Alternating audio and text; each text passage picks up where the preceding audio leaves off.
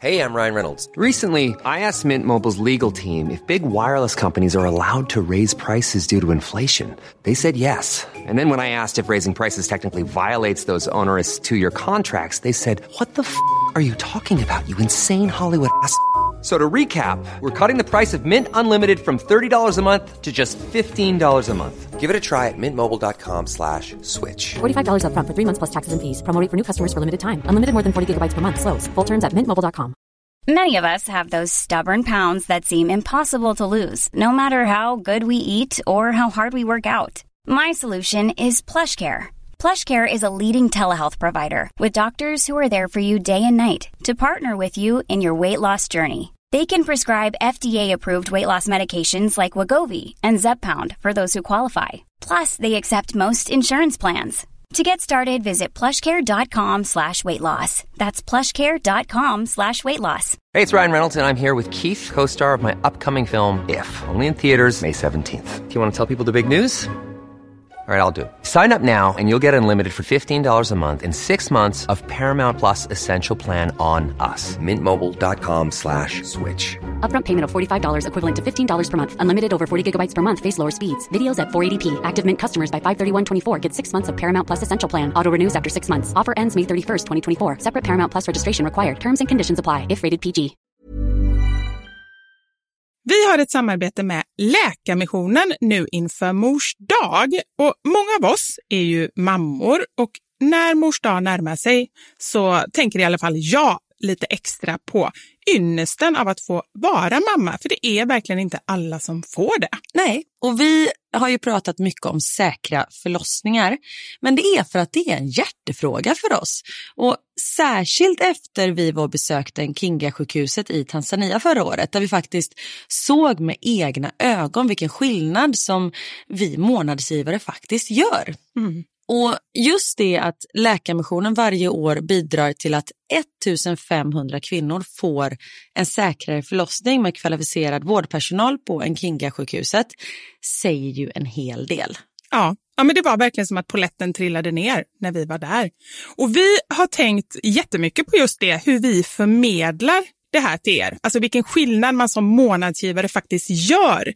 Men det är svårt. Verkligen. Det är svårt genom ord att göra det, men vi hoppas bara att ni genom att höra oss berätta tar det som ett tecken på att nu är det dags att bli månadsgivare, om du inte är det. Ett av mina starkaste minnen från när vi var där var när vi träffade en kvinna. Hon var i 20-årsåldern, jag skulle säga 24-25. Mm. Hon hade precis förlöst sitt femte barn och detta var det första barnet som överlevde och det var också det första barnet som hon födde på sjukhus. De andra barnen hade hon fött hemma och ingen av dem hade klarat sig. Jag känner, alltså det bara går rysningar i hela kroppen. Det var så Mm. starkt. Ja, är det... Och ja. just nu, så länge lagret räcker, så får du ett Mom Wow-armband som gåva när du blir månadsgivare. Och det är, om jag får säga det själv, Eh, för det är jag som har tagit fram det, jag och min kollega, men det är ett jättefint armband och du kan välja mellan guld och silver och svart. Så du ger alltså en mors present som räddar liv i form av säkra förlossningar och så får du en fin gåva till dig själv eller till någon som du tycker om. Mm, och jag kan intyga de här armbanden är superfina. Gå in på lakarmissionen.se snedstreck vara sanningar för att bli månadsgivare idag. Och skriv gärna till oss efteråt, för det är så fint att ta del av era tankar och känslor kring det här. Och så kanske vi läser upp det i podden, vem vet? Tusen tack till alla er som blir månadsgivare och främst tack till Läkarmissionen. Tack så mycket. Radioplay. Hej! Förlåt.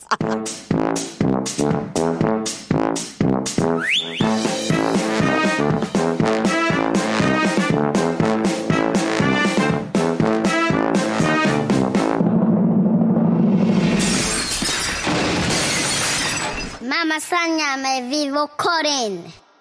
Härlig öppning. Hej och välkomna. Hälsar jag, Kråkan och Karin. Alltså gud vad roligt, vad hände där? Och det är ju inte så att det är första ordet jag säger idag. Åh, Ja, stackars er. Det första ni lyssnar på är liksom en kraxande hej och välkomna. Hej! Åh, Ja, herregud. härlig öppning. Ja, verkligen. Hur mår du? Jag mår eh, bra. Härligt. Hur mår du? Jag mår också bra. Ja. Jag är inne i en, eller jag försöker försätta mig själv i ett kreativt så här, mindset. Mhm. Och jag inser att ju mer jag försöker desto längre bort från det kommer jag. Oh. Det är inte alls bra. Men vad är det du ska göra då? Ja, men det är ju det. Jag ska skriva en bok. Nej men just det. Alltså det är så coolt. Ja men det är coolt och jag förstår det knappt själv. När jag har sagt det till folk, jag måste nästan så säga vad det är för typ av bok för att jag får lite press på mig att folk tror att jag ska skriva liksom någon stor roman eller någonting. Men du ska ju inte bli nästa Läckberg. Nej, det Eller ska det vet inte. vi inte än. Nej, inte den här Men boken. det är inte en sån typ av bok du Det är ska inte en skriva. sån typ, nej. Utan det här är alltså en bok som jag ska skriva. Det är som en blandning av mina två konton. Så en blandning av mammasanningar och eh, fixa själv. Alltså det är så bra. Ja, men det känns som att det behövs en sån här bok och jag tycker själv att det ska bli väldigt roligt att skriva den. Det är alltså vardagssituationer, skoja mycket om mammalivet, blanda upp det med liksom lite tips och fix och smarta hacks i vardagen för att klara olika situationer som är jobbiga. Som det kan vara med maten eller sömnen eller när barnen ska börja förskolan eller när man ska lämna bort dem eller liksom sådär.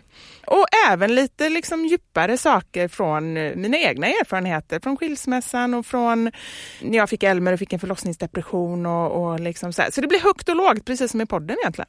Alltså det ska bli så himla kul tycker jag. Vad roligt att du Ja. tycker det. Ja, men Jag det ska bli jätteroligt. Du kommer köpa den? Jag Bra! garanterat Ja, då skriver jag upp det här. Ja. En köpare. Underbart. Men, men det jag känner det här med liksom kreativa pressen är ju, tror jag, att jag är ju normalt, min hjärna går ju liksom i 180. Jag Mm. kommer ju på konstiga grejer hela tiden. Jag vaknar mitt i natten ibland och skriver ner så idéer som jag får och både till liksom så här bildinlägg och tips och fix. Och liksom Tycker du att de idéerna är bra sen när du vaknar? Nej. ganska sällan. Ja. De bästa idéerna har jag kommit på, får jag när jag är ute och springer. Ah. Jag får, Men det är nog för att man rensar hjärnan då. Ja men det är verkligen så, för det är liksom som att hjärnan bara spinner på och då kommer jag på bra idéer. Sen är det väldigt svårt att skriva en bok samtidigt som man är ute och springer. ja, Mm. ja men det är det, det är det som är det svåra och det är svårt överhuvudtaget att komma ihåg vad man tänker. Så jag funderar på, för ibland så kör jag såna här att jag pratar in. Ja. Bara för att liksom så snabbt gå- Spelar in på telefonen Ja, liksom. spelar in. Men det känns ju lite jobbigt när man är ute och springer liksom i en backe, bara flåsande. Bara, ja. Roligt Lägg i ett korvbröd. Vad tycker ni om koriander? Bra öppningsfras. Den måste du ha med.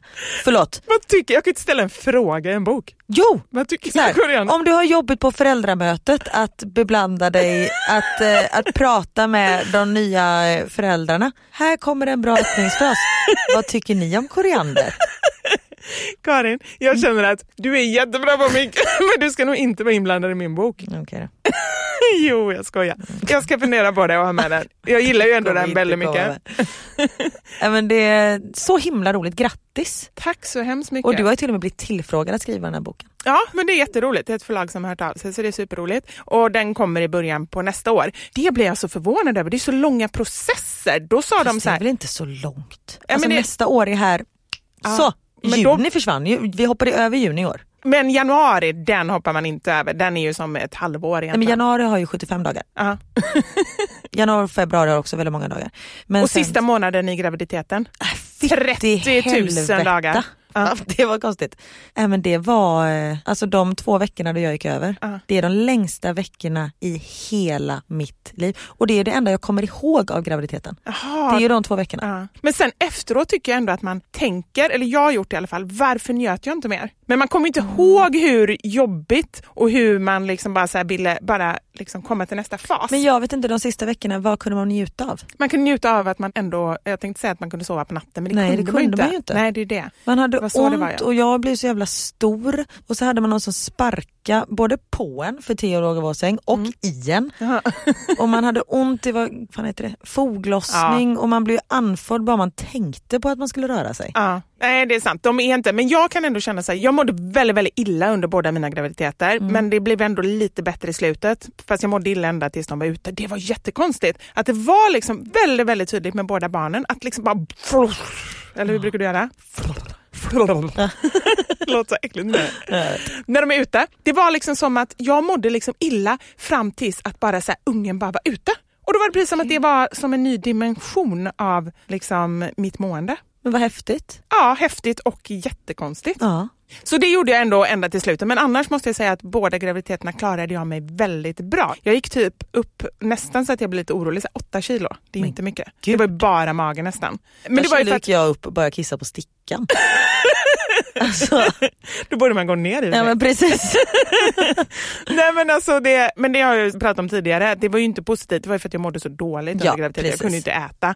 Och sen ska man nog inte mäta i så här, så här mycket gick jag. Nej, nej, nej, nej, verkligen inte. Och det är inte därför jag säger Nej, det, utan jag, jag. säger det för att, så jag var inte tung, det var liksom inte det. Det tyckte Nej. inte jag var jobbigt. Och jag hade inte, liksom, det är ju verkligen peppa peppa ta i trä. Här har vi ett trähandtag. Det är många som har foglossning och diabetes och liksom alla de här grejerna. Så det är kanske också lite därför jag kan säga att varför njöt jag inte mer? För att det var inte så jobbigt på det sättet. Nej, men jag mådde nog också bra. Mm. Alltså det var inte så att jag mådde skitdåligt men det som jag tyckte var jobbigast var att för det första att folk hade så mycket att säga till om. Ja, men det är ju att alltid, det börjar ju... Till slut man bara, men nu får ni, ja det är bara en där inne. Man gör ultraljud, håll käften. Men vadå, så folk gick och sa alltså Men att de trodde att- hela tiden. Ja. Säker på att det bara är en? Ja det är jag.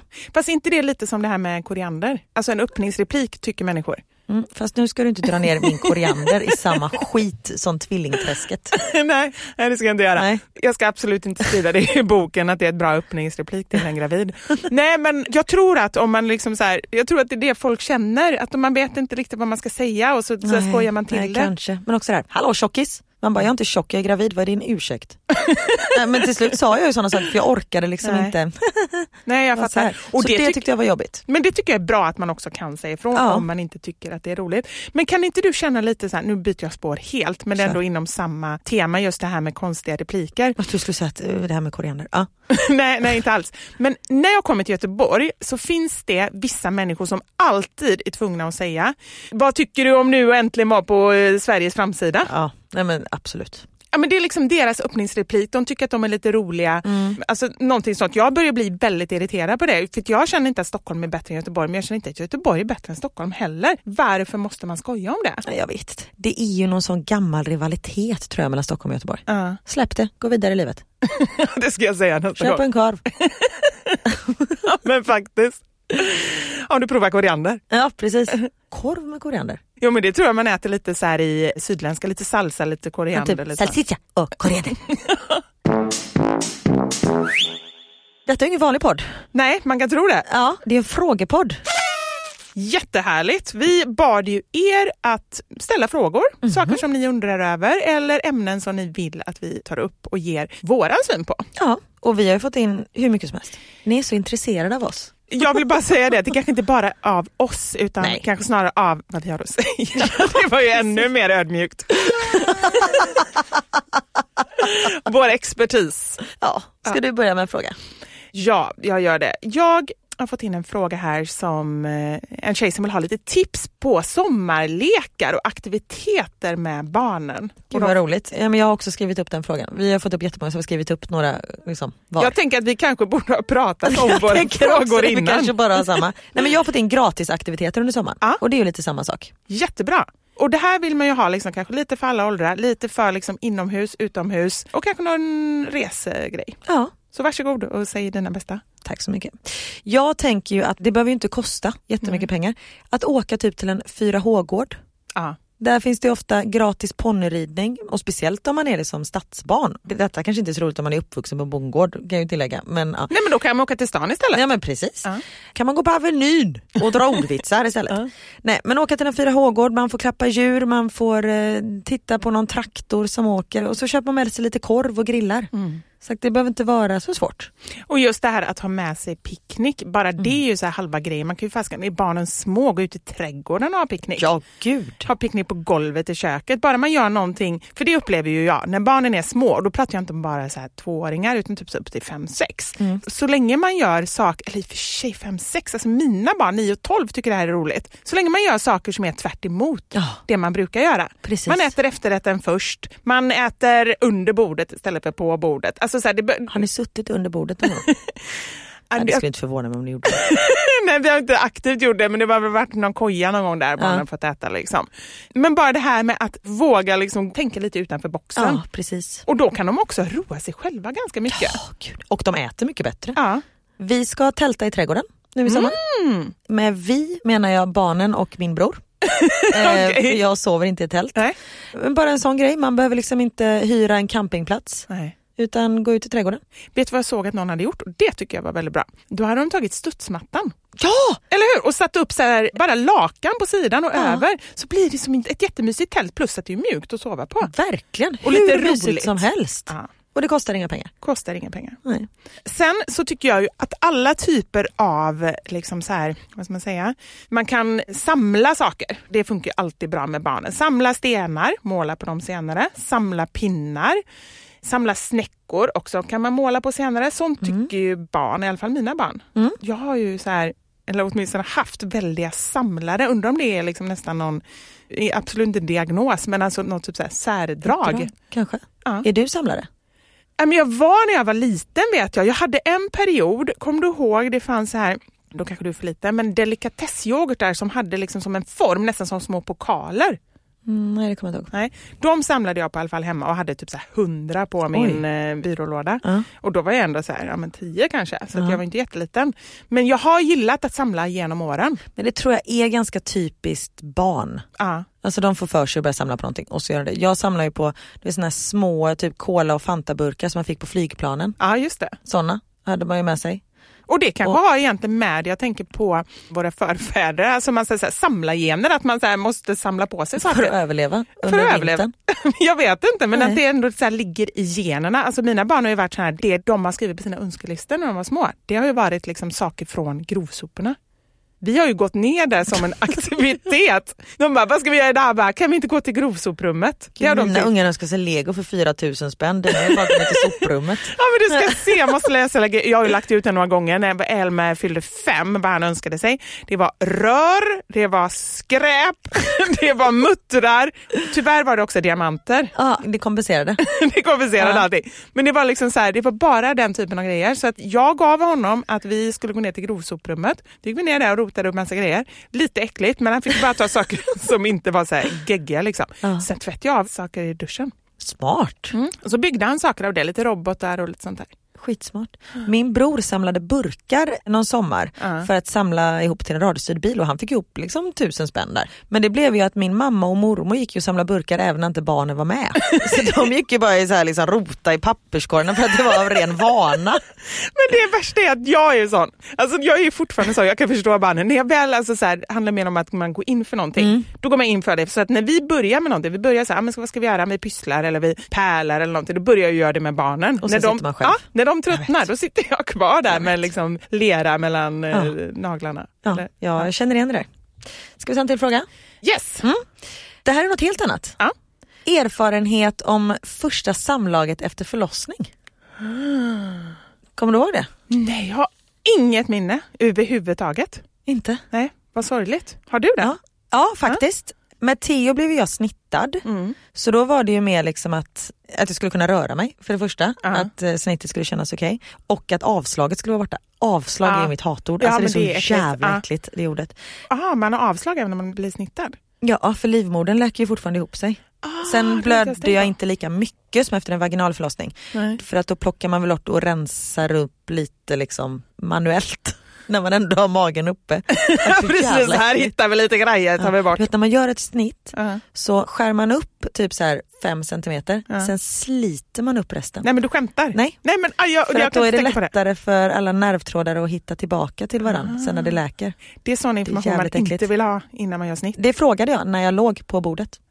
Hur många lager är det när jag skär igenom egentligen? Sju eller nio, jag kommer inte ihåg, sju tror jag det var. Och sen dra av. Och sen, men han behövde ju faktiskt inte fortsätta, eller hon, och säga Nej. att de slet upp allt. Nej men det gjorde hon inte, det har jag fått reda på i efterhand. Ja, okej. Ja. Nej men så då, och då var jag väldigt sugen på att ha sex Mhm. där efteråt, Mm. kommer jag ihåg. Och det gick jättebra, det var liksom inga konstigheter. Sen är man ju Hur lite långt mörk. efteråt var det då? Fyra, fem veckor kanske? Ja. Sex, Ja. något sånt. Ja. Men sen med Max, det var ju en vaginal förlossning och Mm. han var stor när han föddes, han vägde över fyra kilo plus att han föddes som Stålmannen, hade armen över huvudet. Ja. Så jag sprack ju lite här och där så jag hade ju mycket stygn och var liksom öm och sånt. Så då var jag mer nervös Ja. kommer jag ihåg och vi tog det så här superduper försiktigt. Ja. Och jag kände ingenting. Alltså du menar du kände inte hans penis? Nej, Alltså det var sån sorg. Jag var så här, är det så här det ska vara? Alltså jag kände ju att han var där. Ja. Men det var liksom inte skönt överhuvudtaget. Förlåt nu öppnar jag upp mig jättemycket. Ja, bra. Och det var liksom i typ ett halvår efteråt. Så jag var till och med iväg hos eh, min barnmorska och bara så här, men jag tror att det har liksom, jag vet inte om det läkt ihop på fel sätt eller att nerven inte, för jag känner ingenting. Hon bara, "Ja, det har jag aldrig hört någon som har sagt. Man Men bara, mm, nu känner ja. jag mig ännu mer normal. Liksom. Och så pratade jag med min kompis och bara, gud nej men så är det för mig också. Men du Så- googlade inte på det? För det Nej det man vågade jag inte göra. Nej. Då hade jag väl haft, då hade jag väl varit döende eller någonting. Ja. Men sen efter ett halvår ungefär, då började liksom känslan komma tillbaka och nu är den fullt tillbaka. Men det är ju jättebra var- att du säger det. Ja, jag menar att du det- delar med dig. Ja men precis för jag tror att det är ganska vanligt för fan, det har kommit ut en jävla unge, hela Mm. bäckenet har öppnat sig, man har sytt, man har liksom, det händer ju sjukt mycket grejer där nere alltså. Och just att det var sån fruktansvärd sorg. Ja. Jag var så här, nej men jag kan ju lika gärna skita i det. alltså Niklas får ut någonting av det men jag får inte ut någonting Nej. av det här. Men ni pratade om det då Ja, Niklas? och jag Ja. var så här, jag bara känner du att det är likadant? Han bara, men för mig känns det liksom inte. Jag bara, ja, okej för jag känner typ ingenting. Alltså det var Men okej, nu måste jag fråga en väldigt privat fråga då. Ja. Alltså, för nu pratar du ändå om liksom själva slidan, antar Ja. Men var det all känsla? Alltså Nej, klitoriskänsla? nej Var det, hade jag fortfarande känslor. Ja. Utan det var liksom Ja, penetrationskänslan. Ja. Ja, men det var verkligen en sorg. Ja, jag förstår Det var så här, det. ska det vara så här? För sex är ändå en ganska stor del av ens förhållande. Mm. Sen har man inte lika mycket nu när man har småbarn men det är ändå liksom en highlight. Ja, men det är ju ändå det ja och det är så här, om man tar ja. bort att det är skönt eller att det känns överhuvudtaget. var så här, fy fan. Men som sagt, ni som är relativt nyförlösta och känner att det kommer tillbaka och om det inte gör det, sök vård för Mm. det borde väl, det är liksom ingenting man bara ska så här, nej men det är väl helt normalt. Och det gäller ju allt, tänker jag, just när man är nyförlöst. Alla känslor, både liksom emotionellt och fysiskt. Det finns ju många som har verkligen problem som inte läker ihop ordentligt eller när man har spruckit liksom ända till anus och det är ju jätteont jättelänge och sådär att man verkligen, för ändå som nybliven, alltså framförallt förstagångsföderska så känner man ju sig ofta så ensam Ja. om sina känslor. Och jag har ju pratat en del om det just att jag fick förlossningsdepression med Elmer och kände mig som den liksom mest otacksamma och ledsna människan. Och just den här känslan också, ska det vara så här? Den var ju väldigt tydlig för att man vet ju inte, det är ju något man aldrig varit med om innan. Och jag kände bara så nej men det kanske är så här jag är som mamma. Liksom känner en så här, inte är tacksam och mår inte bra. Men det var ju förlossningsdepressionen. Ja.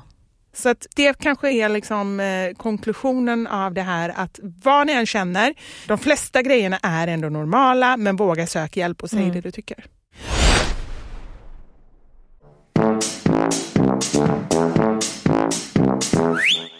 Jag har haft, inte problem, men efter jag födde Max och när jag var på så här, efterkontroll så hade jag tendens till framfall. Att så här, främre slidväggen, muskulaturen hade släppt så den liksom hängde ner lite. Den hängde inte på utsidan av, För det kan det göra med framfall, eller? ja absolut. Men allt kan ju typ trilla ut. Alltså det, Då, och då ja. måste man verkligen operera.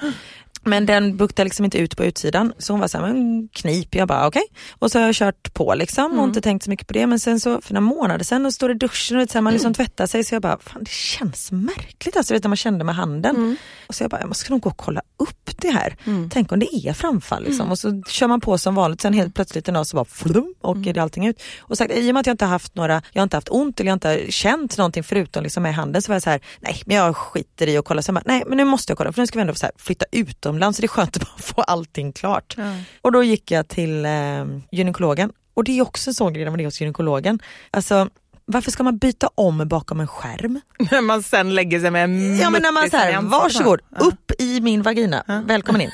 och så ska man liksom gå från den här skärmen och så hade jag en lite så här kortare tröja som man så här drar ner den, så ska jag ta med strumporna? Jag vet inte. Så här. Men då sa hon att allting såg eh, fint ut och jag fick så här, testa och krysta och testa och knipa och allt sånt där. Men så sa hon bara, vad bra att du kom hit, för det är inte alla som gör det. Och det, framfall är en av de vanligaste operationerna som kvinnor får göra och även urinläckage. Det är liksom tusentals operationer varje år. Ja. Och det pratas ju väldigt lite Nej, om. det är ingen som har gjort en sån operation. Nej. Och jag har ju tidigare pratat om att jag har problem med urinläckage. Ja. Nu är det lite bättre. Nu har jag inte haft det. Det var liksom så här någon månad för ungefär en månad sedan som jag bara kände så här, så här kan det ju inte vara. Har du gjort någonting? Nej, jag har inte gjort något. Inte vad jag vet. Jag försöker knipa och sådär. Men jag måste ju ändå kolla upp det för det är inte så att det bara kommer och försvinner. Nej. Men det kan ju vara någonting som ändå har gjort det lite bättre. Mm. Men det är absolut så. Jag är ganska dålig på det här med att faktiskt, alltså så fort det är något med barnen så är det så här, bara, Då då, man ringer man, direkt. går man med en gång. Men när det är mig själv så bara, äh, men så länge liksom jag ändå så här, står upp så Ja men det är samma här och det var ju det jag kände mig så här, men jag har ju inte ont, alltså, jag lider ju inte av det. Nej. Så bara, fast det kan ju faktiskt vara någonting, det kan ju leda till någonting annat Ja. om man inte kollar upp det i tid. Och det sa min barnmorska, hon bara tyvärr är vi födda som eh, kvinnor och eh, vården när det kommer till kvinnor och gynekologiska problem, de är verkligen inte prioriterade. Så jättebra att du kom tidigt Ja. och kolla upp det för en liksom operationstid, det kan ju ta hur lång tid som helst innan man får. Mm, är det så? Ja, jag ska gå nu. Bra på Ja, min. men gör det och bara kolla upp. Men hon sa hon bara, det syns att du har fått barn, Mm. du ser inte ut som en 18-åring men det är helt normalt, hem och knip. Hem och knip. Bra, då gör vi det tillsammans. Alla Ja. här kniper. Och hon sa fem minuter om dagen, då är det världsklass. Ja, okej. Det såg Ja, jag som en utmaning. Så nu, jag kniper hela tiden. Sitter jag kniper nu. Gör du? Ja. Men jag blir så här, usch, jag tycker att det är jobbigt. Man har svår, det är svårt att göra två saker samtidigt ibland. Ja, det märkte jag tycker så här, det? Niklas, när vi körde hit, han bara varför kör du så ryckigt? Jag bara Haha! för då satt jag och knep lite så här. Så var det så zoom, zoom. Vad roligt det är. Annars brukar vi säga att det är vi kvinnor som är bra på Ja att multitaska. inte att knipa och köra bil samtidigt. Nej. Det ska jag nog, ja. Men sån grej bara så här, varje gång man står vid rött ljus, knip tills det blir grönt. Jättebra. Att Eller varje gång man borstar det. tänderna. Precis. Nej, men att man får in det i sin eh, rutin liksom. Mm. Och att man så här, du nyser, knip. Du ska lyfta något tungt, knip. Ja, just Att det. man får in det. Ja, jättebra. Ja, ska vi gå vidare från min eh, slida? Från din slida. Men det här är nästan som en slida. Eller det kan komma in på slida igen. Har ni haft några konstiga sjukdomar någon gång? Och vad det i så fall? Förutom till tendens till framfall. Förutom typ allt som du har pratat om nu. ja, precis. Egentligen inte så många konstiga sjukdomar. Hur men sa du egentligen? Nej. Ja, I så fall var det bara ett talfel. Egentligen ingen sjukdom, men, och det har lite också med graviditeten att göra och nu när vi ändå blottar oss så kan jag berätta det här. Sen jag fick barn och framförallt de första typ fem åren så var jag väldigt förstoppad. Alltså så här, inte att jag inte gick på toa på några dagar utan mitt rekord, och det här är jag, skäms jag lite över att berätta men också lite stolt. Tre veckor. Utan att gå på toa. Skämtar du? Nej men man tror ju att man ska dö. Jag var tvungen att googla det här. Alltså, jag tänker man blir förgiftad. Men det måste vara jätte... Alltså du måste ha haft så fruktansvärt ont i magen. Min mage var ju som, alltså jag var ju typ sjunde månaden eller något. Alltså, men du hade tre stor. veckors bajs. Ja. Men jag tror att det blir lite så här... Det Alltså, ligger ju inte som korvar som staplar sig på varandra tänker jag. Men, nej men det blir koncentrerat kan jag tänka mig ändå. Men va, hur kunde du gå med det? Nej men då var det för att vi var utomlands. Så att därför, och då tycker jag ofta att det blir lite så här, när man är utomlands, äter lite pro- annorlunda ja. mat och liksom så här, då blir det inte lika bra. Och där har jag också en tes kring det. att varför? För jag tror att det är vanligt att man är förstoppad sen man fått barn. Och just det här för att man inte ger sig själv den tiden att man faktiskt sitta tid på toaletten. Man har inte tid. Utan det är alltid någon annan som, liksom, precis som man sett sig, då är det någon annan som ska gå på toan. Det är alltid någon annan som skriker eller så, här, så man bara så här, försöker göra det snabbt. Så att jag tror faktiskt att det är ett ganska vanligt problem bland liksom, eh, föräldrar eller mammor. Men jag tänker så här, fick du problem med hemorrojder och sånt också? Nej, det fick ja lite kanske, men inte så här att det blev någonting stort. Nej. Jag har ju kompisar som är. Och Ja. liksom.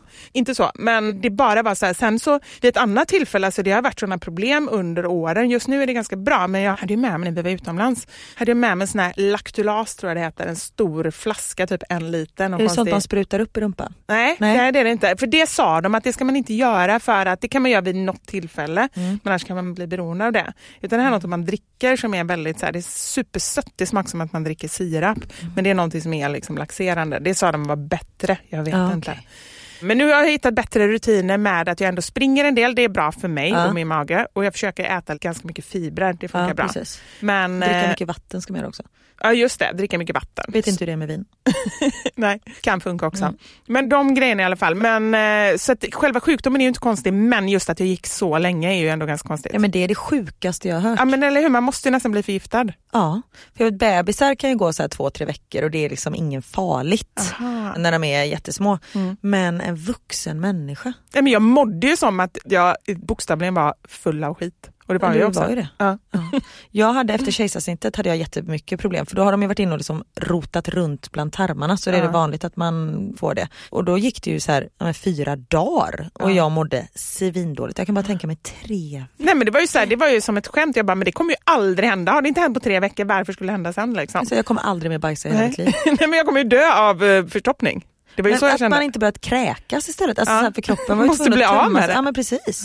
Nej, jag vet faktiskt inte. Men sen så, jag drack ju det här laktulasen så att eh, när jag kom hem så efter ett tag så gick jag på toa. Liksom. Men, Och det är ja. också, men förlåt, hur mycket bajsar du inte då? ja, men jag Du måste så spola flera gånger. Nej, nej, jag tror inte Nej. att det var så mycket. Det var bara, liksom bara en så här torr fnuske. Liksom. Det, allting har ju bara så här dunstat och blivit hårt och litet. Ja. Och du då? Jag har haft en ganska ovanlig sjukdom, eller sjukt, jag vet inte vad det heter. Jag har haft en eh, cysta, eller tumör, ja det är cysta, i svanskotan. Mhm. Det började med att jag liksom inte kunde sitta ner, jag hade svinont. Detta var när jag gick på Balettakademin. Mm. Kunde knappt sitta ner och liksom kände att det är så här, men det är ju någonting i svanskotan, alltså det blir liksom en bulle där. Mhm. Så gick jag iväg eh, och sen otroligt otrevlig läkare som bara stoppade upp ett finger i min rumpa utan att säga någonting. Och en annan kompis som har varit hos samma läkare, han gjorde exakt samma sak på henne. Men kanske en fetisch. Usch, Ja men det han var inget bra. Men då han bara så här, sitter du still mycket? För detta är en åkomma som lastbilschaufförer ofta får. Jag bara, Va? nej jag utbildar mig till musikalartist, jag dansar sex timmar om dagen. Va? Ja det var sjukt. Men då fick jag någon antibiotika eller någonting så det gick över. Men om det hade gått ännu längre då får man liksom operera bort den här. Då skär man upp och tar ut den och sen får det läka själv. Så går man liksom med ett öppet sår där. Nej men gud. Ja. Så det var väl en lite märklig sjukdom Ja, kanske. väldigt. Men nu är det borta. Ingenting Nu är det borta. Ja. Det är så... Och du sitter mer än någonsin. Jag har aldrig rört mig så lite. Nej. Bara för att jag kan. Ja. Nej. Nej, gud vilken konstig fråga. Men Eller- också lite rolig. Ja, absolut. Tycker ni det är jobbigt att bli äldre? Ja, jag svarar först. Mm. Men nu är det jättekonstigt, för jag har ju pratat om det ett tag, Mm. att jag tycker det är jobbigt. Men nu på något sätt, Du ville ju till och med klippa bort i ett poddavsnitt när du sa hur gammal du var. ja. Det var min mamma som sa det, jag bara, fast varför sa hon det? Ja. Men nu, jag tror att jag har med lite KBT. Att jag har verkligen så här, innan har jag nästan dolt hur gammal jag är. Jag vill inte prata om ålder, jag vill liksom inte så här. Men nu har jag nästan tvärtom, att jag liksom säger alla gånger jag har tillfälle. Jag fyllde 42 för två veckor sedan typ. Grattis i efterskott. Tack så mycket. Och jag skrev det jag, också lite som en terapigrej. Liksom. Jag skrev det i mina sociala medier och, liksom så här, och även gjort det ett tag innan dess. Och det hjälper för mig. Att det är liksom så att jag är bara öppen med det, det är ingen hemlighet. För det är ju ingenting man kan ljuga om. Nej, man kan ju inte ljuga men Nej. man kan ju vara mer eller mindre tyst om det. Men jag insåg ju också när jag då, ödmjuk och trevlig som jag är, googlade på mig själv, Mm. mitt eget namn, att så här, Vivi Wallin och då kom ju typ ålder högst upp. Ja. För att det kanske är så att folk bara säger men hur gammal är hon egentligen? För att jag bara så här försöker dölja det hela tiden. men nu är det öppet och nu känns det bättre än någonsin. Jag tycker det är lite jobbigt att barnen blir äldre. Det är nog Ja, det det mest. du sagt. Ja. Mm. Vad känner du? Nej, jag är väl så här, man blir äldre, man kan inte göra någonting åt det. Det är lika bra att göra det bästa av situationen. Däremot när jag fyllde 30, det tyckte jag var jättejobbigt. Inte att jag tycker att 30 var gammalt, men jag blev så här, när fan blev jag 30? Jag är ju typ 22, alltså tiden har gått så fruktansvärt snabbt. Och då fanns Theo och vi var gifta och vi bodde i lägenhet, vi hade hund, vi hade bil. Det var så här, jag har ingenting kvar. Jag har Ah. typ kanske en unge till och skilsmässa. Det är det jag har kvar av mitt liv. och nu har vi ett till barn, eh, så nu är det ju bara skilsmässa som jag har kvar. Men det blir väl bra. Ja, det blir bra. Men undrar hur det blir om ni skiljer er i Bryssel? Ja, men det har jag sagt till Niklas. Ja. Du, om du drar med mig till Bryssel, jag liksom så här, säger hejdå till min familj, mina vänner och sen går du otrogen med någon jävla pinuppa där borta så jag liksom hamnar själv i Bryssel. Varför en pinuppa? nej jag vet inte, ja, med någon man. Varför ska otrogen med man? Jag vet inte. Nej men då kan han verkligen dra åt helvete. Men han har lovat att inte göra det. Ja. Och jag har sagt att jag flyttar med till Bryssel så länge det inte leder till depression och skilsmässa. Då får vi göra någonting åt det. Liksom. Bra. Ja, nej men jag tror inte, det är inte aktuellt just nu. Nej men alltså det. Sagt med alla våra lån så har vi inte råd att skilja oss i alla fall. Eh, så det, vi får hålla fast vid det här. Alltså då Men- finns det inte ens det kvar. Nej, Nej. jag har inget kvar! Men nu har du ju faktiskt flytten. Ja, Ja. precis. Nej, men, och det som du säger att barnen blir äldre, det tycker jag är lite, lite jobbigt. Och jag är 34, jag är inte jättegammal. Men det är ändå, och jag skulle ju så här, vi skulle kunna skaffa två barn till om vi vill det. Däremot om jag kanske hade varit 45 och inte haft några barn men jag hade velat ha barn, Ja, kanske ja, varit singel. Ja. Alltså då hade det känts på ett annat sätt. Men nu, jag trivs väldigt bra med mitt liv, jag trivs väldigt bra med min man och jag trivs okej med barnen. Och Nej, jag Trivs väldigt bra med hunden, men hunden är barnen- fantastisk. Hunden är det bästa. Ja, jo, jag Ja, vet är att du tycker det. för henne. it's funny cause it's true. Nej men så jag har ingen åldersnoja så faktiskt. Däremot har jag sagt att jag ska vara i mitt livs form när jag är 35. Ja, Det är men typ du, tre månader kvar. ja, men du fixar det. det. Du fixar det Karin. Ja, jag vet fan vad jag slutar. Fast, och där tänker jag också så här, mitt livs form. Varför ser man alltid form som att det ska vara Ja. någonting fysiskt? Alltså så här, Nej det har du helt rätt i. Mår du bra? Liksom så här, ni kommer vara i Bryssel där. Jag tror du kommer vara ditt livsform. Ja, hoppas du har Ja. rätt. Är det jag nu som ska ha Ja, frågan? det. eller? Ja. Hur pratar ni om mens med era söner? jag. Du, jag behöver inte prata om ens med min son för han har hittat ett program på Barnkanalen så han berättar för mig om mens häromdagen. Är det sant? Han är, nu fyller han snart sex men han är fem år gammal. Ja. Det är något sånt där, jag tror att det heter Pinsamt programmet kanske och så pratar de om mens. Och han förstår väl inte riktigt vad det är. Nej. Men han sa något så jävla roligt. Han bara så här, mamma du vet när farmor var liten och hon hade mens då såg man bindan. Jag bara, ja men mycket har ju förändrats nu, nu har man mycket tunnare bindor. Han bara, ja man kan ha tampong och man kan ha tampax och man kan ha massa grejer, man kan ha menskopp. Jag bara, ja absolut. Och så jag bara, men Theo varför tittar du på det här? Du kommer inte ha mens liksom. Han bara, nej men jag tänker om jag får en dotter någon dag så är det Nej, bra att jag kan det. Man bara, du är fem år Är gammal. fem eller femtio? Ja det undrar jag också. Ah. Men när han säger sådana saker man bara, nej men du är så klok. Ja men det är superbra. Och där tycker jag, jag tycker ändå att det är vår skyldighet och inte Ja. bara som mamma utan som förälder att prata om den typen av saker. Sen kanske man inte behöver göra det när de är två och tre. Eller att man bara tar det naturligt. Man behöver inte säga nu min son ska vi prata om mens. Nej. Men om de frågar, för jag tycker Ja, det det kan ju vara att ser att man har tampongsnöre Ja. mellan benen liksom, när man kommer i duschen. Precis, så att man ändå då berättar och inte hittar på någonting. Nej. Utan att man ändå liksom berättar om mens. Jag tror också att jag har gjort det sen början. Och sen vet jag att de har, just det här, jag vet inte, de är ju jäkligt snabba på att ta till sig olika grejer. Men just det här med mens och tampong och så här, varit så här Mm. jag tror att de har frågat sig tio gånger, vad är det för någonting? Och, och sådär. Så jag vet inte om det är väldigt svårt att förstå eller om eh, de bara behöver höra det en gång till. Jag har ingen aning. Ja, men det kanske är lite så spännande. Ja. Och Theo någon gång sa så här, men det är äckligt. Jag bara, nej det är inte äckligt. Och Ja, för då det fick jag tror jag är viktigt. Så här, ja. Ja. så här, det är helt normalt och det är jätterent och det är kroppens sätt att tala om att den fungerar. Ja. Och var verkligen så där liksom noga med att punktera att det är absolut inte äckligt. Det tror jag är bra. Det är jättebra. Sen är det ju är jobbigt. Ja men det är ju jobbigt, absolut. Och någonstans så finns det ju ändå så här, nej men det är lite jobbigt att prata om också tycker jag. Det är inte som så här om de frågar bara, men varför regnar det? Liksom Nej. så här, ja men vi googlar på hur, det funkar med moln och, Mm, och regn. precis. Utan det är ju ändå någonting, ett litet motstånd känner jag. Men Vilket gör att det känns ännu viktigare då att faktiskt vara tydlig med det. Så att det inte är så här, jag vill inte, och även med, jag tänker så här, Anders söner, jag vet inte hur de har pratat om det riktigt. Men de är ju ändå, vad är de nu, 15 och 17, så de kan ju allt sånt här. Men eh, att liksom vara så här naturlig och prata om saker. Liksom. Jag gav dem kondomer nu i sommar. Jag Mm. Är det sant? om det var bra eller dåligt. Vad sa Andersson det? Nej, men vi hade fått det på en fest. Vad är du på för fest? Jag tänkte inte på hur konstigt det lät. Vi var på swingersparty och då eh, fick vi dem. För mig var det helt naturligt. Nej, men vad- Nej, okej. men vi var på en så här charterfest. Ja just det, det Eh, såg ja. jag på Instagram. Och då så fick alla en liten magväska där det låg så här vätskeersättning, kondomer, drinkbiljetter. Alltså det var lite så Ah, roliga okej, saker. ja. Så det var det. Så då tänkte jag så här, jag behöver inte kondomerna. Så då skrev jag en liten lapp och så skrev jag så här, ha en bra sommar och ta hand om dig. Typ. Och så gav jag det då till dem. Tyckte du det var pinsamt?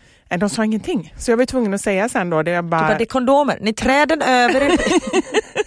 Nej men det roliga var då att sen hade jag sett då hur en av sönerna hade tagit kondomerna så de var Mm. borta, lappen låg kvar. Men han sa ingenting om det. Så då sa jag så här, "Ha, vad tyckte du om min sommarpresent? Och då låg han lite bara, "Ah, mm, bra. Men jag tror att det är väldigt bra, det är nog väldigt pinsamt att få en sån sak. Mm. Men det är också, jag har ju aldrig köpt kondomer. Nähä, har du an- aldrig använt eller har du? Varit dålig på att använda kan Ja. jag säga. Men när jag har använt så har det varit killen som har haft. Mm. Jag tycker fortfarande det är pinsamt att köpa tamponger. Jaha, är det sant? Ja, men jag apropå det här med gå in mens, som inte du ens Nej jag vet och det är det Ja. som jag menar. Jag kan inte gå in på ICA och bara köpa ett paket tamponger. Jag är tvungen att liksom köpa, nej, men vi behöver nog mjölk och så lite raklödder och sen så en eh, lite flingor och så lite tamponger. Ja, men jag är skittöntig. Samma sak toapapper kan jag inte heller, det tycker jag också är jobbigt att köpa. Bara toapapper. Är det sant? Ja men det är så här, Aha. hon ska hem och bajsa. Hon ska hem och blöda och ja, bajsa. Ja, nu jävlar. Ja. ja, men så det, det är skittöntigt av mig. Jag vet ju, det är Apropå helt normalt. skit. Ja precis, ha ha ha.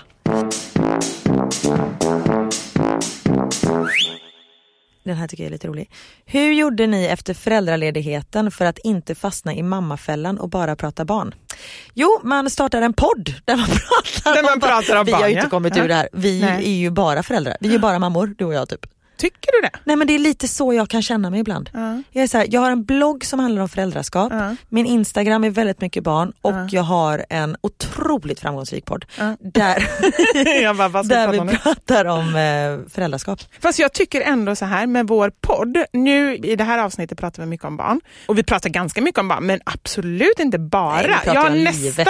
och det har jag ändå fått så feedback på att ah, jag trodde det var en podd ni bara pratade om så här bajsblöjor. Och shit, vi har pratat mycket om bajs den här gången fast Ja, mer om våran egen bajs. Ja. Nej, men liksom så här, och det tycker jag absolut inte att vi är utan vi pratar om våra liv. Sen Ja. är barnen en stor del av våra liv men vi kan ju lika väl prata om andra grejer också. Mm. Nej men jag är lite sån att fan, jag är bara mamma. Mm. Kan jag känna ibland. Fast är du den mamma, jag upplever inte dig som en sån mamma, så här, vi har ändå varit på en del middagar och liksom så här, som sitter och pratar så här, åh mina barn och, och liksom så Nej, där, lite inte och nostalgiskt jag har inte lagt mitt liv åt sidan för Nej. att liksom, men det har blivit att jag har arbetat med, mina jobb är relaterat till min föräldraroll. Ja men det förstår jag, men Ja. det ser jag, faktiskt så ser jag lite det som annorlunda. För det jag tänker mest, och framförallt på frågan, är det mer så här att man bara sitter så här med sin Ja, partner och bara pratar om åh vad gulligt och nu har han gått på bajsat i pottan och liksom Ja. så här. Och det kanske du har gjort också? Nej, men hur ska man komma bort från det då? Jag tror att man aktivt som så mycket andra grejer faktiskt måste bestämma sig lite om man vill komma bort från det. Man får säga det att nej men nu så den här middagen så är vi själva, nu ska vi inte prata om barnen. Om man vill, sen kanske man vill sitta och prata om barnen, då är det en annan grej. Men du berättade ju själv när ni var i Italien på bröllop, då efter tre dagar så hade ni frågat varandra så här, har du pratat med barnen? Nej, det hade ni inte knappt tänkt Det på har jag det. glömt bort. Då. Ja, nej men precis. nej men så att jag, jag upplever inte dig som sån, utan du lever mycket som mamma och du har ditt jobb och sådär. Men du kan fortfarande verkligen vara så här, dig själv upplever Ja jag. men det kan jag absolut. Och det tror jag är viktigt om man vill komma bort från det här att inte hamna i mammafällan som hon skriver här då. Nej men att man gör ett aktivt val som du sa. Att man säger men nu går jag ut med mina tjejkompisar och vi ska inte prata barn. Nej. Och vi ska inte ha dåligt samvete. Ja, hur gör man det då? Nej men alltså att man bara så här, där tror jag ändå att det finns några olika grejer man kan aktivt göra. Att man faktiskt, när man får dåligt samvete, man verkligen så här tänker att man är värd de här grejerna. Det är ju någonting som, jag bara tänker mental träning, det tar ju tid, det är ingenting man bara med en gång kan bestämma utan man kanske känner en känsla och så får man liksom så här, okej analysera, varför känner jag den här känslan? Är den motiverad? Och den är inte motiverad om man åker iväg två dagar utan sitt barn och man vet att barnet har det bra. Att man går ut och käkar med kompisar, då är det bara inne i en själv. Så att man hela tiden får påminna sig själv om det. Och sen tycker jag det handlar också om lite vilka människor man umgås med. Både i verkliga livet men också så i sociala medier. Följer man massa konton som är väldigt liksom så här, som utstrålar att ja, men det är bara på ett visst sätt som man ska vara som förälder eller det är väldigt pluttinuttigt eller sådär. Så man känner att det här mår inte jag bra av egentligen. Följ inte de kontona. Så det Så finns bra. ändå så små saker som man kan göra i vardagen, tror jag. Mm, verkligen. Din tur. snabba tips här, för det här är ju någonting som jag själv vill ha lite tips på. Så det här får ni gärna skriva till oss om ni har egna. Tips på bra tv-serier och poddar nu i sommar. Och ni lyssnar ju redan på oss. Ja. Men det får ni gärna sprida, att den är bra. Om ni tycker det. Nej, jag älskar ju mordpoddar. Ja, men det gör jag också. Ja. Mord mot mord älskar ja men det gillar jag också. Mm. Ja. Mordpodden älskar jag. Ja, just det. Ja. Just det. P3 Dokumentär. Åh, så Ja. bra. Mm. Oh, jag lyssnade på fallet Bobby häromdagen när jag klippte gräset. Jaha, jag gick och nej. grät. Ja. Alltså fy fan vad vidriga människor det finns. Nej, men det är, Ja. usch. Det är Nej, lite blandat. deprimerade jag. kan ni Ja. lyssna på mina poddtips. Ja. Det är inte, ja. Nej, fast jag känner, jag är lite likadan där. Jag gillar ju liksom så psykologiska thrillers Ja. överhuvudtaget när jag läser bok, när jag lyssnar på ljudbok och poddar. Det så efterfrågar jag faktiskt. Kan inte någon starta en podd som är lite sådär, eh, det behöver inte vara mord, men det ska ändå handla om människors psyken. Liksom så folk som gör konstiga saker och bedrägerier och lite sånt där. Alltså, det tycker jag är intressant. Men jag tror att det är det som jag gillar, att det är så långt ifrån min verklighet. Ja. Jag tycker det är fascinerande att lyssna på en människa som bestämmer sig för att stycka en kropp. Ja. Ja men det är det som, Ja. alltså det, det är nog sant, det har jag inte ens tänkt på, men att när man verkligen inte förstår hur det Ja, ens kan gå precis. till i huvudet. Och det Liksom. fascinerar mig. Mm. Så de poddarna, och nu lyssnar jag även på Europapodden för att lära mig lite mer om Bryssel. Jag tyckte säga, alltså det lät som Ja, den absolut äh, tråkigaste ja, men det, podden var väldigt, det var en väldigt bra podd Ja. om man gillar sånt. Ja. Not my cup of tea. Nej, men vadå, lyssnar du på, är det ett avsnitt om varje land eller hur funkar det? Nej, jag lyssnade på ett halvt avsnitt, jag kom inte längre än så. Nej, okej. Men då pratar de om eh, Europaparlamentvalet. Mm. Ja. Åh Jag gud vad vet, tråkigt. Jag Ja. vet, så det Men jag gillar ändå att du går in för din flytt. Mm. Det är ändå ett... eh, Du Jag, kanske jag gav det 20 minuter. jag tänkte det är något du gör så här för Niklas skull bara. ja men det var ju det. För att jag ska förstå vad han pratar om. Aha. Nej, men jag måste ju lära mig lite saker, det är inte så att jag inte kan någonting men det är ganska komplicerat det där. Mm. Med parlamentet och ja, men det är ju liksom olika delar av allting och alla har olika. Ja. Men det var inte det som var frågan, det var poddtips. Men jag Men- skulle ju också då tipsa om dem som du har tipsat om, så att vi är nog ganska lika där. Ja. Jag kan ge några tips på tv-serier. Ja. Och vi pratade om det lite innan faktiskt, innan den här podden. Att vi är ju inte de absolut mest, eh, liksom, vi är inte så, vad säger man? Vi är inte så aktuella. Nej. Alltså jag, om det är något som är nytt, Ja. det är ingen idé att försöka liksom fråga mig. Om någon säger, har du sett den nya? Nej. det, Du, och det gäller allt, eller så här, låtar och kläder, allting. Du låtar lite har jag lite, jag lyssnar på radio när jag kör bil. Ja. Så då är man väl lite sådär. Men hemma med serier och sånt där, alltså det är bara barnkanalen som står hemma hos Mm. oss. Eller om de liksom, det är barnen som är chef över fjärrkontrollen. Mm. Så när vi väl tittar på någonting så är det att vi har ju försökt komma igenom House of Cards till exempel. Det har ju fortfarande inte gått. Vi är på. Nej. säsong tre Ja. typ av nio. Och man måste faktiskt komma in i det lite. Alltså Ja. Man kan inte ge så här ett avsnitt i månaden, man har ingen aning om Nej vad men det de var ju tvungna att gå tillbaka Ja. så det är liksom ett steg fram, två steg bak. Man bara, har vi tittat på det här? Jag vet inte, jag känner igen honom, jag känner inte igen henne. Jag vet Nej. inte det. Sen har man sett till avsnitt bara, jag tror vi har sett det innan. Så det, är så här, det var en timme av ens liv som bara kastat bort. Modern Family älskar jag. Ja. Det Ja, men funkar den är lite rolig. i alla lägen. Mm. Det är en sån serie som jag sitter och skrattar högt. Och sen Bron har vi tittat på, men den är också från så här 2003. Ja. Men eh, ja. Jag har faktiskt ett par nu ganska nya som jag vill tipsa om. Den ena är Dirty John Mm. Ja. som jag tipsade om innan. Den är också så här psykologisk thriller. Handlar om en eh, man som visar sig vara en bedrägare. Mm. Bedragare. Bedragare. Det är så roligt när jag säger grejer så bara, det här låter lite konstigt. Fast Men inte, inte tillräckligt konstigt ändå. Men är det, för det finns ju en serie och en dokumentär. Ja just det, nu pratar jag om serien. Jaha, finns det en dokumentär också? Ja. Då kan vi se den också. Mm. Men nu vet jag vad som händer så nu tänker jag inte säga Mm. det. Flykten från Dannemora. Låter jättekonstigt, man tror ju då att det är någon sån här från Dannemora här i Sverige. Det Ja men det känns ju som så här Kristina från Duvemåla, tänkte jag på. men nej. kan vara att jag blandat ihop det. Ja, det kanske var den. Nej, jag skojar. Det, det här är alltså en amerikansk serie. Det finns en delstat, eller en stad tror jag. Ah, Dannemora. Dannemora, ja. Men Ah, riktigt. jag skojar. Nej, nej, det är sant. Och det ligger i New York State. Mm. Så det är nog en stad i så fall. Där det finns ett jättestort fängelse. Dannemora är alltså ett fängelse och tror jag stad. Mhm. Så Dannemora heter det. Och det är, mm, nu har det helt stått still vad alla de här, Benicio del Toro är med i alla fall. Om du vet vem det är? Är det någon eh, snygg knarksmugglare? Ah, nej men alltså han... Jaha, är det en skådis? Ja, det är en Jaha, förlåt. Ja, du hör ju. Ja, nej men han är skådis, han är en, det är två stycken eh, fångar som ska fly från det här fängelset och så har de eh, en relation med en fångvaktare, en kvinnlig fångvaktare. Båda två? Ja. That's slut. Ja. Så, men det är så här, också lite psykologiskt och spännande och så, den rekommenderar jag också. Var hittar man den då? Det har jag ingen aning om. Nej. Antingen, jo, jag tror HBO eller Netflix, Ja. för det är de jag har. Mm. Så de gillar jag och sen så älskar jag Bachelorette. Ja. Jag älskar det, jag tycker det är så spännande och det är så löjligt. Men det är väl lite också det här, nu tänkte jag säga att det är verkligt, men jag tror verkligen inte att det är verkligt, utan jag tror att det Ja. är väldigt regisserat. Men hur verkligt det nu än kan vara. Jag gillar den typen av grejer, jag Ja, älskar också, dejting. det är väldigt långt ifrån ens egen verklighet. Mm. Alltså, om en kompis till mig är singel, man bara berätta allt! Aha. Alltså allt! För hemma hos mig det händer ju ingenting. Alltså, det är så här, och Niklas kommer med blommor och man bara vad fan har du gjort? Alltså, då är det, så här, då är det något som är fel. Men och samtidigt här- undrar du så här, han kommer aldrig med blommor, jag fattar inte Nej varför. precis, för att han blir utskälld varje Ja. gång han gör det. Nej men just det här att det är liksom, det är långt från ens egen verklighet. Mm. Det är en serie som jag gillar, nu har jag inte sett den på några år. Men Gift vid första ögonkastet. Ja, den har jag faktiskt Det hört på mycket om. Det låter inte så himla roligt. Är den det? Ja men första Ja. gången, det är en uh, realityserie. Mm. Första gången de träffas är framme vid altaret. Och de har fått gå igenom massa tester. Jag och, tycker det låter sjukt. Ja men det är lite läskigt faktiskt. Ja.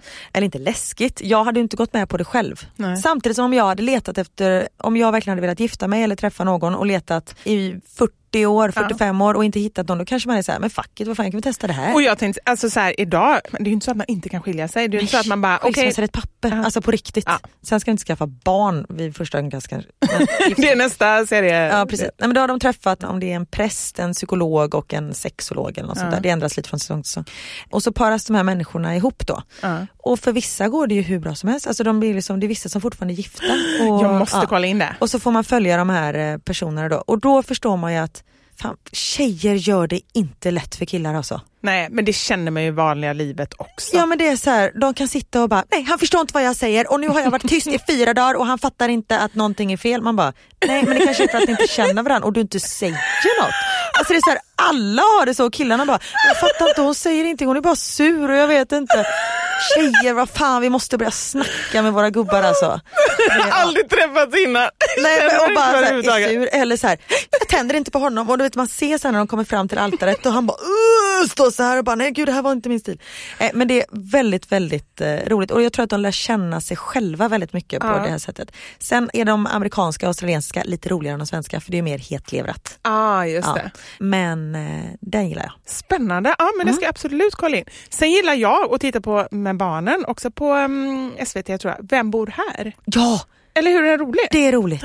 Man får Och- gissa, det är alltså så här, fem personer som ska göra husgesyn hemma hos varandra men man vet inte vem som bor var. Precis. Och man man tror gissa. så här, man bara it's in the bag, alltså detta är ju så lätt och sen bara inga rätt. Man bara aha. För det är verkligen så här, och det är så otippat också. Det kommer liksom så här någon eh, muskelknutte hårdrockare som bor i liksom någon lägenhet med liksom så persisk, allting är så här guld och glimrar. Alltså det är så roliga Ja, det, och bara få komma in till folk är ju magiskt. Det är därför jag går på lägenhetsvisningar och sånt utan att lägenhet. Jag vill bara se hur folk har det. Älskar det. Är du den också när du går och öppnar kylskåp och så? Mm, typ. Ja du gör det. Alltså jag har ju lagt bud på lägenheter. Som du öppnar kylskåpet på? Nej men som jag inte ens vill ha. Nej. Ja. Varför det? För jag tänker den kommer gå upp ändå. men tänk om du får den då? Nej men då, då, nej. så långt har det aldrig gått. Men gud Karin, det är nästan lite Nej, men det är obehagligt. sjukdom. Eh, som jag... Vet Niklas om det här? Det kan man säga. Kan ha råkat lägga ett bud. Han bara, är du dum? Man bara, ja men det kommer liksom stiga två miljoner i alla fall. Men detta var långt, det var för länge sedan. Ja okej. Nu går jag inte och bara slänger ut bud hit och dit. För nu är det ju på ett helt annat sätt marknaden. Mm. En annan väldigt rolig grej på SVT är Bäst i test. Har du sett det? Nej det har jag inte gjort men jag har hört mycket gott om det. Alltså det är så roligt. Det är en panel av människor som ska testa massa grejer. Det kan vara så här, du har 100 sekunder på dig att göra den här tröjan så lång som möjligt. Typ. Och så ska man komma på massa roliga grejer. Väldigt roligt. Det är också sånt som jag sitter och skrattar högt till. Ja, men jag älskar sånt. Och saker man kan se som man själv tycker är roligt men också kan se med barnen. Ja, det precis. gillar jag. Älskar Bäst Ja. i test. Så Bra, det- då ska jag ja. testa det. Ja. En lite tyngre fråga. Ja. Det står så här, känslig fråga, men har ni gått igenom ett missfall eller en abort? ja, Ja, jag svarar också Eh, ja på den ja. frågan. jag kan börja missfall. Mm, Jag har pratat om det innan. Mm. Men eh, vi fick ju missfall mm, mellan Elmer och Knut. Så att eh, jag var i, eh, kan det ha varit nionde, tionde veckan kanske? Mm. Och kände verkligen så eftersom jag mådde så himla illa med Elmer så bara kände så här, alltså det är ju plus på stickan men jag mår inte alls på samma sätt. Jag mår inte så illa så jag var ju lite orolig innan vi åkte in. Kände att det är något fel. Jag tror att som kvinna så gör man ofta det. Ja. Och sen ibland såklart så kan man ju så här om man är väldigt orolig få för sig grejer. Och Men- jag måste bara säga, om man inte känner att någonting är fel och något har varit fel så är det inte ditt fel. Nej, nej, nej, gud ja, nej. Man har Ja. ingen skyldighet Nej, nej, nej, verkligen inte. Men så vi åkte in och mycket riktigt då att hjärtat hade slutat slå i ja, några veckor tidigare trodde de. Mm. Så att eh, Mr Abortion, vad heter det på svenska? Uteblivet missfall. Just det. Så att då åkte jag in och fick tabletter men det försvann inte riktigt. Så då fick jag mm, skrapa också. Mm. Så det var, ja, nej, det var hemskt och jag vet ju hur, jag bara tänker de som går igenom många missfall och liksom så här, inte har några barn och så, all styrka och kärlek till er. För jag tyckte det här var skitjobbigt. Mm. Vi var också med om ett uteblivet missfall. Det var innan barn, eller det var liksom min första graviditet. Jag var i vecka 13 så det hade ju börjat synas liksom för det syns tidigt på mig. Och sen skulle vi göra så här kubtest. Och innan dess hade jag haft lite så här småblödningar så jag hade varit hos gynekologen två gånger tidigare och gjort ultraljud. Och det man ser lilla hjärtats picka liksom. Ja, du, du hade ju sett det liksom? Ja, precis. För då hade vi, så här, men, i och med att jag hade haft blödningar så hade vi gjort gynundersökningar för att kolla att allting stod rätt till. Eh, Och det hade det gjort. Två gånger innan som sagt. Och sen så kommer vi dit och precis innan vi ska in till eh, barnmorskan, ja, när man gör kubtestet. Så jag bara, tänk om hjärtat har slutat slå. Och Niklas bara, men sluta varför skulle du ha gjort det? Lägger mig på britsen och hon gör ett hjärta med gelé och börjar. Och är, vet, så här, tyst alldeles för länge och jag ser liksom fostret på bilden men jag ser inte det där hjärtat picka. Nej. Och jag började storgråta och eh, Niklas bara, vad är det som händer? Och så sa barnmorskan, jag är jätteledsen men hjärtat slår inte. Och så i och med att det var i vecka 13 också, då har man liksom, vecka 12 var ju en sån gräns då man så här, Mentalt nu, ändå så här, Ja ah, men nu- precis, vi, ja. vi klarade det till vecka Mm. 12. Och då hade hjärtat slutat slå bara dagarna innan såg hon sen någon mätte och sånt där. Och jag fick även göra ett gynekologiskt ultraljud och sånt där också. Och såg det. Och de frågade om jag ville ta tabletter eller bli skrapad och jag bara, nej men jag vill inte ta tabletter för i och med att det var så pass sent så hade det liksom, jag skulle ju känt det komma ur mig för det var ju typ som ett ekollon ungefär sån storlek. Så jag bara, jag vill bli skrapad och de bara såhär, ah, men vi har en tid om tre veckor. Man bara, nej men jag kan ju inte gå runt med ett dött foster i magen i tre Nej. veckor liksom. Speciellt när man vet om Ja, det. nej, nej. Men så lyckades hon pussla om lite så fick jag liksom efter helgen och blev Nej, nej. Så fort det, man vet det så är det bara så här eller jag var sån i alla fall, då bara kände jag så här, nej, men jag kan inte en sekund till. Alltså, Nej. det bara känns så... Ja, men fruktansvärt att veta så här, nu är det inte ett barn än men, men här, jag går runt med något dött i min, Mm. nej fy fan. Nej, och i och med att det var liksom innan, jag var så här, tänk om inte jag kan bära ett barn. Ja just det, det Eh, var innan. Ja precis. Så sen med Theo och Max också delvis var det så här, nej men vi ska ha barn i augusti om allt går som det ska. Mm. Alltså så här, jag vågade liksom inte riktigt hoppas så det satte verkligen sina spår. Men sen blev vi gravida ganska snabbt efter det. Men det känner du att du var oroligare då? Liksom Ja, så här, gick, åkte in och kollade och så här. Nej men det gjorde jag inte men jag var, liksom, var väldigt vaksam på signalen och vågade inte ta ut någonting i Mm. förväg. Och vi var ganska, liksom en av de första i vår bekantskapskrets med att skaffa barn. Mm. Så man hade inte hört talas om att folk hade fått missfall och sånt. Det var liksom Nej. ingen, känner mig väldigt ensam med det men nu är det ju fan, var fjärde graviditet slutar Mm. i ett missfall. Fast det pratas ändå förvånansvärt lite om det. Ja. Det. Men nu tror jag det också, i och med att man får reda på att man är gravid typ samma dag som man har legat med varandra. Alltså man får reda på det supertidigt. Så då vet man ju att det är ett missfall. För 50 år sedan då kanske man trodde att mensen var lite sen. Mm. Ja, precis. Att det ändå är en del i statistiken, att det Ja, blir så precis. många fler. Liksom. Ja. Men det är ju så otroligt eh, vanligt och det man ska komma ihåg är att man har inte gjort något fel. Nej, Alltså det är verkligen kroppens sätt att tala om att det här barnet eller fostret mådde inte bra. nej. Det var något som inte stämde. Och det är ju därför 99,9% av alla barn föds friska. Mm. För att kroppen är så fantastisk och tar hand om det på sitt sätt. Och, sagt, och jag är bara så här, att ett barn blir till, det är Bara så det är jävla fantastiskt. Ja. coolt. Att man bara skapar en människa. Ja. Och att det växer ett liv in i en. ja, det är helt Tänk att man har fått vara med om det där. Ja. Ja, Ja, jag ryser varje gång jag pratar om det så får jag en känsla så här, "Ja, ska jag aldrig få vara med om det igen? Precis. Och så liksom så här ryskänsla. Ja. Ska vi avsluta med någon lite gladare fråga Ja, kanske? vi gör det. Har du någon sån? Nej. Jag har en här. Vilken barnperiod passar er bäst? Alltså hittills. Oj! Jag har ju Bara, när alltid... de är 25. Fantastiskt. Nej, men jag har ju alltid känt mig mer som en storbarnsmamma än som en så här pluttebebismamma. Men jag skulle ändå säga nu, jag tycker att det är fantastiskt nu, men nu börjar jag ju känna så här, väx inte ifrån mig. Som min mamma och liksom deras farmor alltid har sagt så här, stoppa tiden har ju de sagt liksom, från när barnen var så här ett och tre och jag bara, nej låt tiden gå. Alltså på den tiden, jag kunde verkligen inte uppskatta det på det sättet. Jag ville bara att de skulle bli mer självständiga och liksom så här, få tillbaka mitt eget liv lite. Men om jag nu tittar tillbaka skulle jag säga ändå för ett par år sedan. Jag skulle säga när barnen är sju och tio eller sex och nio tycker jag är helt fantastiskt. För de är så klara i sig själva men ändå lite liksom, ändå beroende av en. Man, De behöver en men inte det här liksom bara att man måste göra allt hela tiden och att man kan prata så bra med dem. De är nyfikna, det är roligt, de är ganska, i alla fall mina barn under den tiden, så här, positiva, tyckte om saker. Alltså det är så här, inte kommit in i någon sån här preteen men samtidigt nyfikna. Ja, men jag kan faktiskt hålla med. Theo är ju, fyller sex nu. Han är grym. Mm. Det är en skärpt kille som man, man kan hitta på roliga saker med honom. Han har funderingar, det är, alltså man kan dra med honom på det mesta och han tycker det är roligt och intressant. Så det är ju väldigt roligt. Samtidigt som en två och ett halvt-åring som säger knäppa saker. Alltså det finns ju ingen som kan få mig att skratta så mycket som Max. Nej. Samtidigt som det finns ingen som kan få mig att bli så jävla förbannad som Max Nej. också. Sen finns det inget mysigare än att liksom lukta på ett nyfött huvud. Nej. Och den här varma lilla kroppen mot ens liksom bara bröst. Det är ju så mysigt. Sen tyckte jag det var ganska, alltså första halvåret, Ja. de ligger där, alltså det är mysigt. Ja. Men jag tycker det var lite jobbigt när man säger, ska du sova i fem minuter eller fem timmar? Mm. Man vet inte. Och sen en ettåring som bara springer runt, stoppar allt i munnen och vill typ så här, hoppa ner för stup. Ja, ja, men den Det- tiden är väldigt utmattande. Ja. De kan lite mer än vad de borde, Borde kunna. Ja, borde kunna efter sin liksom så här förmåga att ta ställning till saker. Ja. Nej, men just att det, jag tycker det blir så roligare och roligare hela tiden. Mm. Samtidigt som man kommer sakna den här småbarnsåren också såklart. Men det var någon som sa det till mig och det kanske har hjälpt mig lite i min så här ålders, eh, jag ska inte säga ångest men ändå tankar.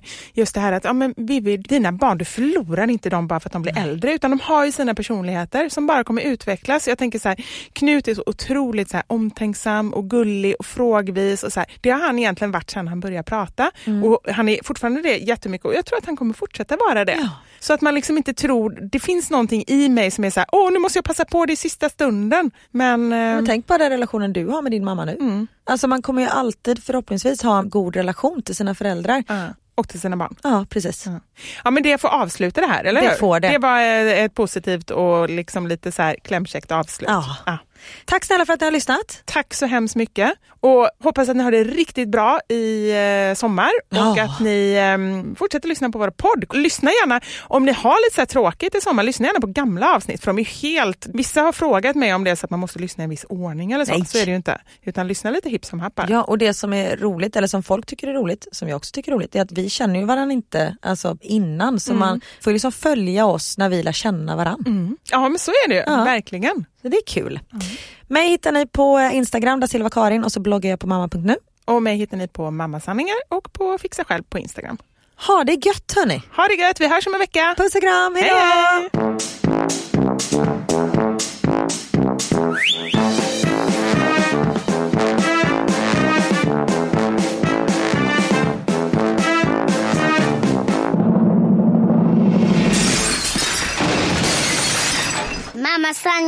Vivo.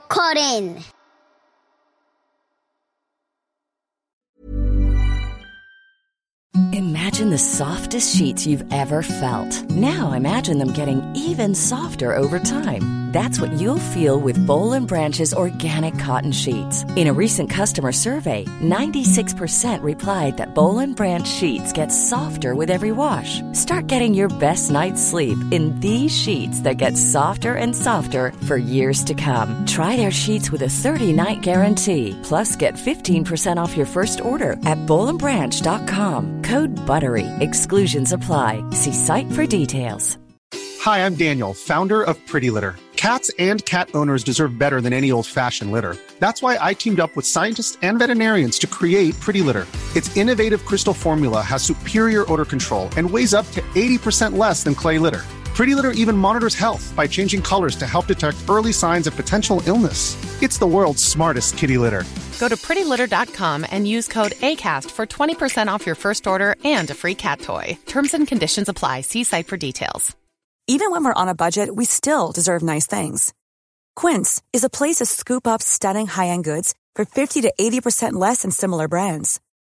They have buttery soft cashmere sweaters starting at $50, luxurious Italian leather bags, and so much more. Plus, Quince only works with factories that use safe, ethical, and responsible manufacturing. Get the high-end goods you'll love without the high price tag with Quince. Go to quince.com slash style for free shipping and 365 day returns.